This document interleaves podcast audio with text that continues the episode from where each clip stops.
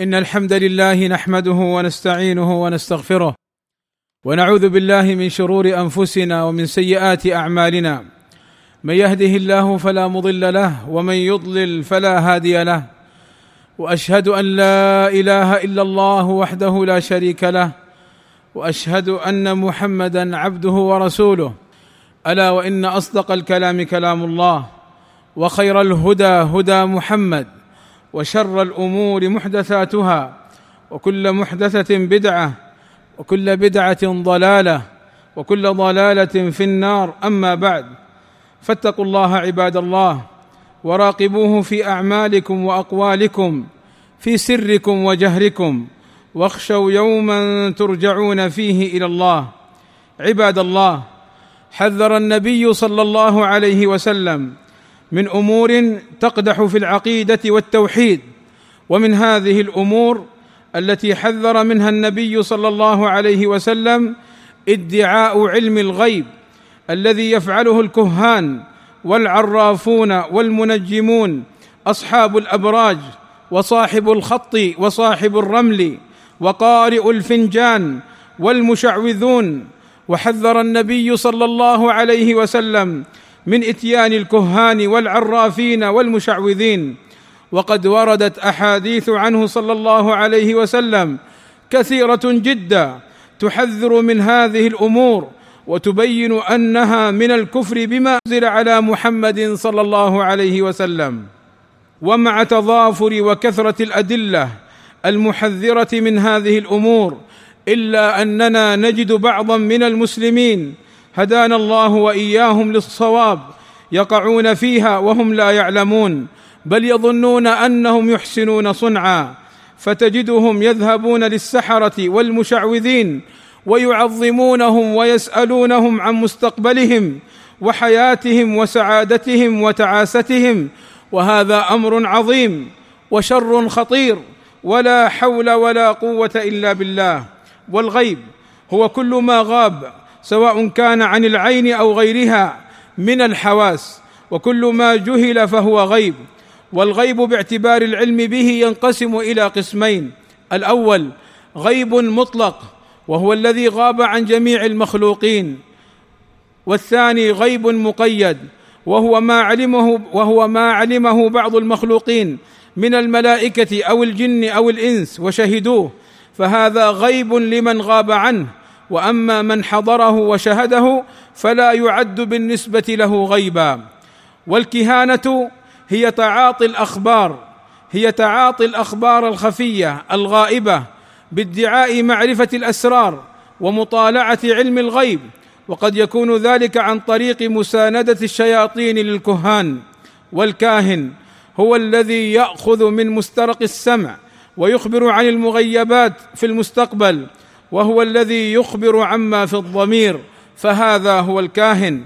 أيها المسلمون إن إتيان الكهان والذهاب إليهم من عادات الجاهلية ومن شأنهم فعن معاوية ابن الحكم السلمي رضي الله عنه قال قلت يا رسول الله أمورا كنا نصنعها في الجاهلية كنا نأتي الكهان. فقال صلى الله عليه وسلم فلا تأتوا الكهان فتأملوا قول معاوية رضي الله عنه كنا نصنعها في الجاهلية أي في زمن الكفر والضلال فكيف نصنع مثل أهل الجاهلية؟ فلذلك نهى النبي صلى الله عليه وسلم عن إتيان الكهان والسحرة والمشعوذين لما عندهم من الكفر والضلال. بل روى أبو هريرة رضي الله عنه عن النبي صلى الله عليه وسلم أنه قال من أتى كاهنا أو عرافا فصدقه بما يقول فقد كفر بما أنزل على محمد صلى الله عليه وسلم. ووجه كون تصديقهم بما يقولون كفرا بما أنزل على محمد صلى الله عليه وسلم وهو القرآن أن الله أخبر في كتابه بأنه لا يعلم الغيب إلا هو سبحانه وتعالى. قل لا يعلم من في السماوات والأرض الغيب إلا الله. وقوله تعالى وعنده مفاتح الغيب لا يعلمها إلا هو. فمن أتى الكهان والعرافين والمشعوذين وصدقهم صار مكذبا بما جاء في القرآن العظيم من أن الله سبحانه وتعالى هو المتفرد بعلم الغيب وحده. ومن أتى الكهان لا تقبل له صلاة أربعين ليلة وإن لم يصدقهم فمن أتى الكهان لا تقبل له صلاة أربعين ليلة وإن لم يصدقهم فلا يجوز إتيانهم. ولو قال أنا لا أصدقهم قال صلى الله عليه وسلم من أتى عرافا فسأله عن شيء لم تقبل له صلاة أربعين ليلة. ويدخل في هذا من يشاهد البرامج التي تخبر عن الأبراج وعن الغيبيات. فمن فتح هذه البرامج وشاهدها فإنه يدخل في هذا الحديث.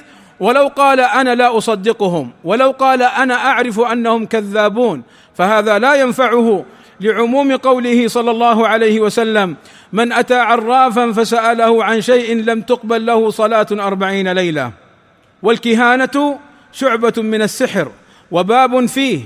قال صلى الله عليه وسلم من اقتبس علما من النجوم اقتبس شعبة من السحر زاد ما زاد. وعلم النجوم من الكهانة ووجه كون الكهانة من السحر أنهما كفر بما أنزل على محمد صلى الله عليه وسلم. وأنهما أي السحر والكهانة يعتمدان على الشياطين وأنهما يقدمان للشياطين ما تطلبها منهما من الكفر والشرك وأنهما كذبة فجرة. وليس منا من تعاطى الكهانة وليس منا من ذهب إلى الكهان وطلب منهم أن يخبروه بما سيحصل له. قال صلى الله عليه وسلم ليس منا من تكهن أو تكهن له ومن أتى كاهنا فصدقه بما يقول فقد كفر بما أنزل على محمد صلى الله عليه وسلم فقوله صلى الله عليه وسلم ليس منا هذا وعيد شديد وقوله تكهن أي الكاهن فليس منا وقوله تكهن له أي من يأتيهم ويسألهم ويسمع كلامهم فاحذر يا عبد الله أن تكون منهم.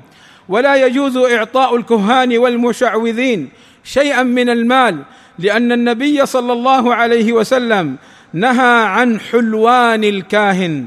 وحلوان الكاهن ما يعطى على أن يتكهن. قال البغوي رحمه الله اتفق أهل العلم على تحريم حلوان الكاهن. انتهى. قلت ولذلك استقاء أبو بكر رضي الله عنه لما علم أنه أكل شيئا من حلوان الكاهن. فعن عائشة أم المؤمنين رضي الله عنها وأرضاها قالت كان لأبي بكر غلام يخرج له الخراج وكان أبو بكر يأكل من خراجه فجاء يوما بشيء فأكل منه أبو بكر فقال له الغلام قال لأبي بكر أتدري ما هذا؟ فقال أبو بكر وما هو؟ قال كنت تكهنت لإنسان في الجاهلية وما أحسن الكهانة؟ إلا أني خدعته فلقيني فأعطاني بذلك فهذا الذي أكلت منه يعني أن أبا بكر أكل من هذا المال. قالت فأدخل أبو بكر يده فقاء أي استفرغ فقاء كل شيء في بطنه. أسأل الله أن يوفقني وإياكم لما يحبه ويرضاه وأن يغفر لنا الذنوب والآثام. إنه سميع قريب مجيب الدعاء. الحمد لله رب العالمين والصلاة والسلام على المبعوث رحمة للعالمين وعلى آله وصحبه أجمعين. اعلموا عباد الله رحمني الله وإياكم أن الكهانة أنواع منها أن يكون للكاهن ولي من الجن يسترق السمع من السماء كما جاء في الحديث ومنها أن يكون الكاهن يعتمد على الظن والتخمين والحدث بأن يزعم أنه يعرف الأمور بمقدمات وأسباب يستدل بها على مواقعها كالشيء المسروق والعراف هو الذي يدعي معرفة الأمور بمقدمات يستدل بها على المسروق ومكان الضالة ومنها أن يكون الكاهن ممن يخط على الأرض أو يضرب بالحصى أو يضرب على الرمل أو يقرأ الفنجان أو يقرأ الكف وكل هذا من الكهانة. ولذلك من الخطأ أن تقول للإنسان هات الفنجان أقرأ لك هات كفك أقرأ لك. هذا كله من الكهانة. ومنها أن يكون الكاهن منجما.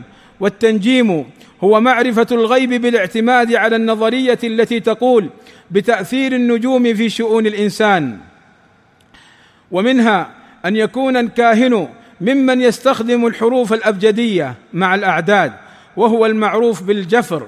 ومن ذلك أن بعض الناس لما يتقدم لخطبة المرأة يأخذ الحرف الأول من اسم أمه والحرف الأول من اسم أبيه ويذهب لرجل ويقول هذا الرجل طيب أو لا هذا من الكهانة هذا من الشعوذة التي نهى عنها النبي صلى الله عليه وسلم وأخبر أنه ليس منا من فعل ذلك.